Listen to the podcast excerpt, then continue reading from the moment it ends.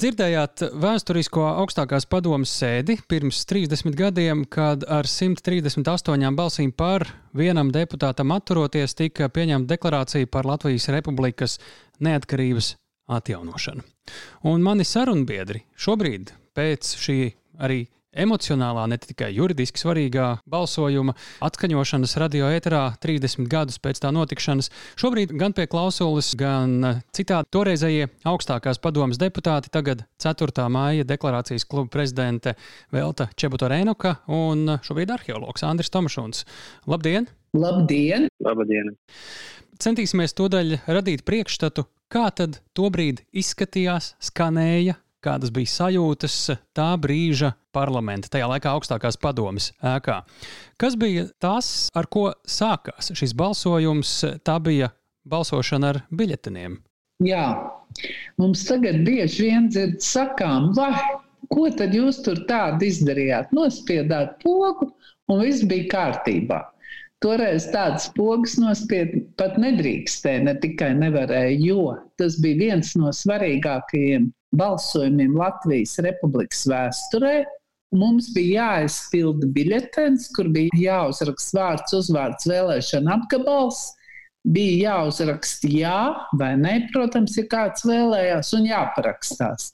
Ar to vien nepietika. Tad, kad sāka prasīt rezultātus, tad Induls Ozols, balsu skaitīšanas komisijas priekšsādātājs, kāpa tribīnē un sauca: Antris Tomašuns, tāds un tāds Jālgavas apgabals.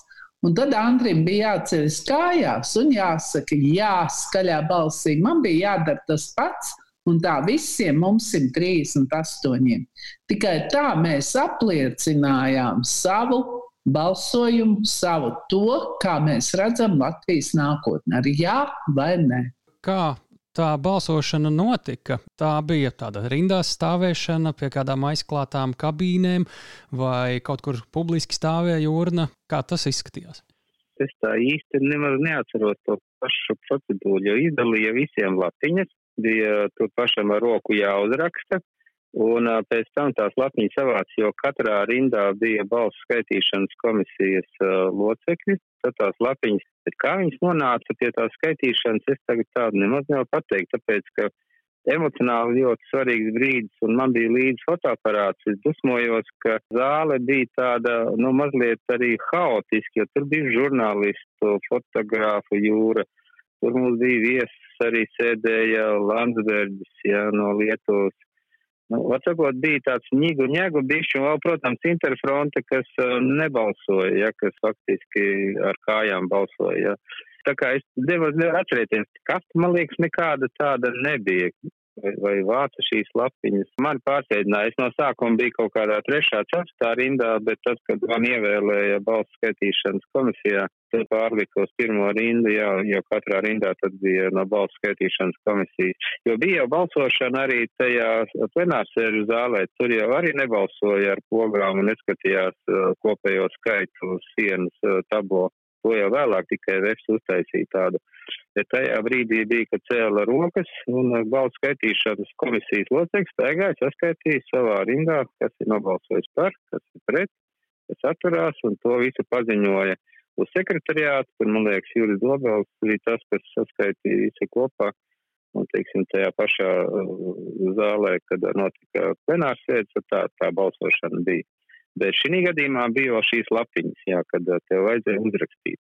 Nu, tad mēs, protams, zinājām, ka ir uh, 130. Mēs nezinājām, cik tur īsti kopā ir. Balsts skaitīšanas komisijas priekšsēdētājs lasīja tās lapiņas, viņš ņēma un sauca pēc kārtas. Un tikai tad, kad bija 132 par un vēl tā čupiņa tur turpinājās ar, ar balsojumiem par, tās gavilas aizgāja, bija skaidrs, ka tas, tas tā robeža ir pārkāpta, ka tā atjaunošanas ceļa sākums ar, ar likumu būs. Jā.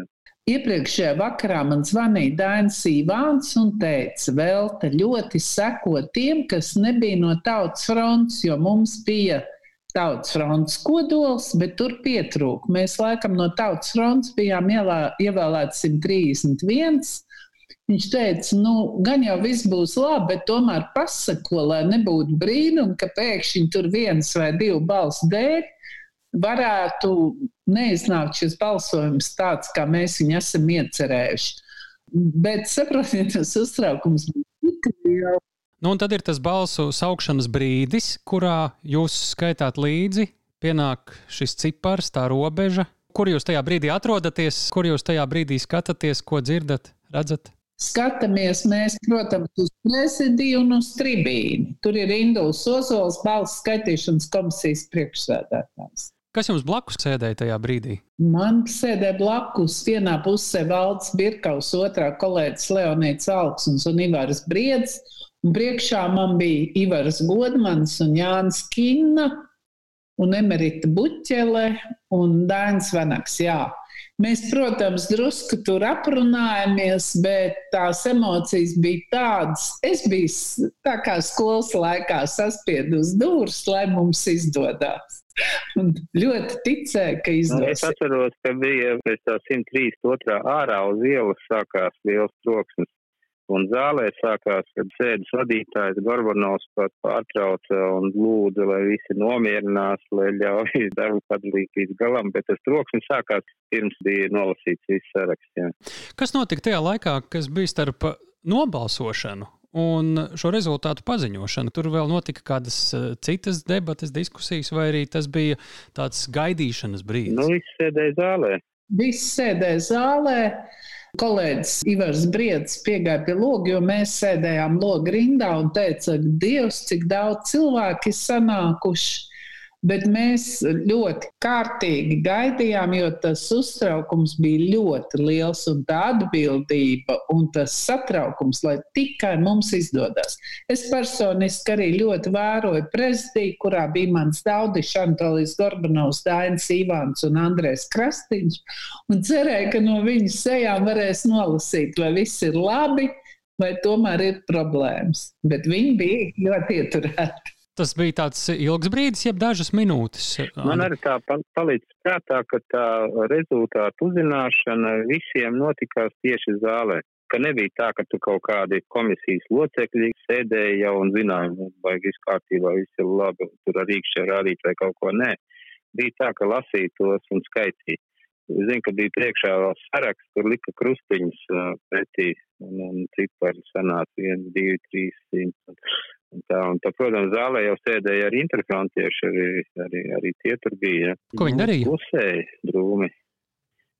Nebija sevišķi priecīgi. Klāt viņi bija, viņi vienkārši viņi nepiedalījās balsojumā. Sēdi, man liekas, pirms tam, un uh, tad viņi pieņem lēmumu, ka viņi nepiedalīsies balsošanā. Un tagad viņi saka, nu, ka viņi nav piedalījušies, bet ir bijuši un viņi nav domājuši balsot pret. Un lai viņas tagad pieņem mūsu pulkā, viņi pat tagad ir tik nekaunīgi, ka uzskata, ka tas nebija pārkāpums, ka viņi neizdarīs savu izvēli, lai gan viņi to izdarīja, nebalsotam. Tā tad nē par Latvijas neatkarību.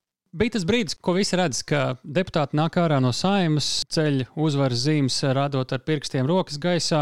Droši vien no šī balsojuma līdz tam brīdim, ko visi pārējie redzēja ārpusē stāvošie, arī kāds brīdis pagāja, kas kuluāros tad risinājās pēc jau nobalsošanas un rezultātu uzzināšanas. Nu, es apķēros gan ar godmani, gan laikam ar kīnu, ar blakus sēdošiem kolēģiem asaras bija, jo vispār man likās, ka tas tā nevar būt, tas ir nereāli. Un tā kā es zināju, ka zālē ir Jūrmālas tautas deputāta padomas priekšsēdētājs Jānis Liepiņš, kas bija Jūrmālas tautas fronts vadītājs, tad es devos uz rindu, kas bija aizmugurē, kur bija viesi žurnālisti. Un, un kopā ar viņu jau gāja ārā no toreiz augstākās padomas sēkas bet cilvēku vienalga bija ļoti daudz, un tā sajūsma bija ļoti liela, un ziedi, asaras, apskāvieni, saucieni, jūs iet varoņi, jūs iet tiešām lielu darbu izdarījuši, un dziesmas, jā, skanēja arī dziesmas. Dziedāšana no ārpuses vai iekšā saimnes ēkā? Nē, ārpusē, ārpusē. Man liekas, ka, šķiet, ka mēs iekšā dziedājām. Man tā kā prātā, ka mēs dziedājām. Nu, tur, jau, tur jau katra jau gāja savu ceļu mazliet, jo bija jau arī savu paziņas vai kādu atbalstītāju. Pareizi tur aizmugurē bija ļoti daudz tie cilvēki, kas nebija deputāti, bet kas bija iekšā zālē un, un juta līdzi un turēja īkšķis un bija mūsu atbalstītāji. gāja ar viņiem parunāties, un ejot ārā, protams, nu, tas pūlis, tas, kas bija, nu, to nevar aizmirst, un, un Daugavs mala. Tā, kad tu tur esi bijis, ja tad kādreiz tā tīri smiekli mazliet uznāk, kad redz pēdējo desmit gadu kaut kādu tautas sapulces saucamās, ja, kad sapulcējās tur daži simti cilvēki, un tad to sauc par tautas sapulci. Ja tu esi redzējis visu to, kas bija tajos 89. 90. gadā, ja, tad, nu, lai piedod man, bet šodien nevajadzētu vēl lietot vārdu tauta, ja sanāk daži simti. Tauta bija toreiz uz ielas.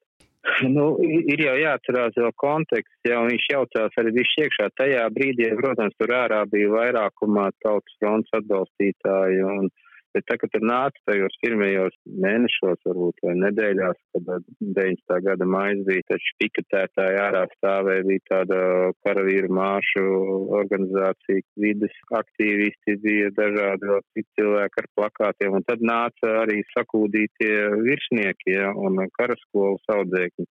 Un tie tur parādījās kaut ko, protams, 4. maijā viņi tur nejūtās tajā tautas masā iekšā, ja.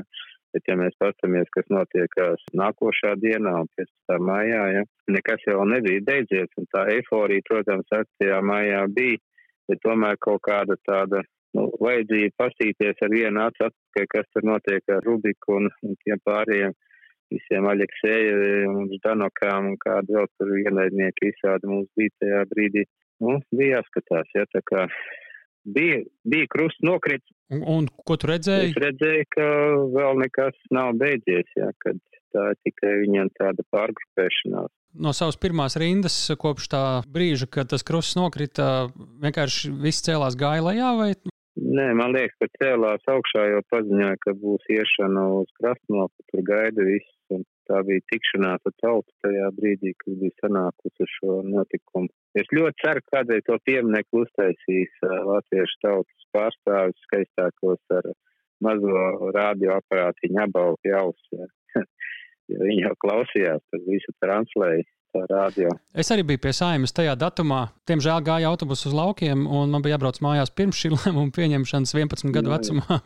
Nebiju viens ar vecākiem, bet šodien, noslēgumā šīs sarunas, 4. maija 30 gadi, Kā pēdējos gados jūs, vai jums ir kāda tradīcija katram 4. maijā? Mums ir kopīga tradīcija, Andri, ka mēs tiekamies vienmēr, nu, tad, kad nav šāda sarežģīta situācija, kāda ir šobrīd. Mēs noliekam ziedus pie brīvības pieminekļa, mēs piedalāmies svinīgajā sēdē, mēs kopīgi visi nofotografējamies ar saimnes deputātiem un saimnes vadību. Un tad ejam ar baltu galdautu klātiem galdiem un pārunājām to, kas gada laikā ir noticis. Tātad, ko valsts ir izdarījusi, kas mums ir paprātam, kas nav paprātam. Tā ir ļoti skaista diskusija, kurā piemēram piedalās arī saimnes prezidijas, uzklaus mūsu paši, izsaka savu vērtējumu. Un tas ir ļoti jauka tradīcija. Šogad, beidzot, pa prieku savai mazmeitiņai un ģimenei kopā ar viņiem, pie balta galdauta savā ģimenes lokā, protams, bet nu, žēl man tomēr man ļoti gribētos apskaut savus kolēģus, kādu asaru varbūt notraukt un atcerēties, cik tas bija tomēr varēni, ko mēs izdarījām. Nu, mēs mājās vienmēr savā ģimenē atceramies šo, ja ir iespējams ar dēliem kopā pabūt arī pie viena galda, kādu mirklīt parunāties par šodienu, varbūt ne tik daudz par vēsturi. Un noteikti tad tā mājā jau nesenāk nekad, bet kaut kad jāizbrauc ir arī tāds pienākums pie tuvākajiem jau viņā saulē esošajiem deputātiem. Un man šeit tūmā ir Jāgavā Reimans apglabāts, un tagad uz Dogavu braucot arī Raits Černais pa ceļu, un tur ir jāapciemo, tā kā noliksim ziebiņas un atcerēsimies šos cilvēkus, kas vairs nav tāda, nu, es nesauktu viņu par tradīciju, bet par pienākumu tas turpinās, jā. Kamēr vēl mēs būsim kāds, vai kādam būs tiem kapiem arī jāizdara. Bet, nu, svētki ir svētki. Paldies jums par šiem svētkiem, gan šodien par šo sarunu, gan arī par to, ko jūs darījāt pirms 30 gadiem, un labu laiku pirms un arī pēc tam. Bija prieks ar jums sarunāties Velta Čebota Rēnoka, 4. maija deklarācijas kluba prezidente un Andris Tomašons, šobrīd arheologs, abi divi 90. gadā augstākās padomas deputāti.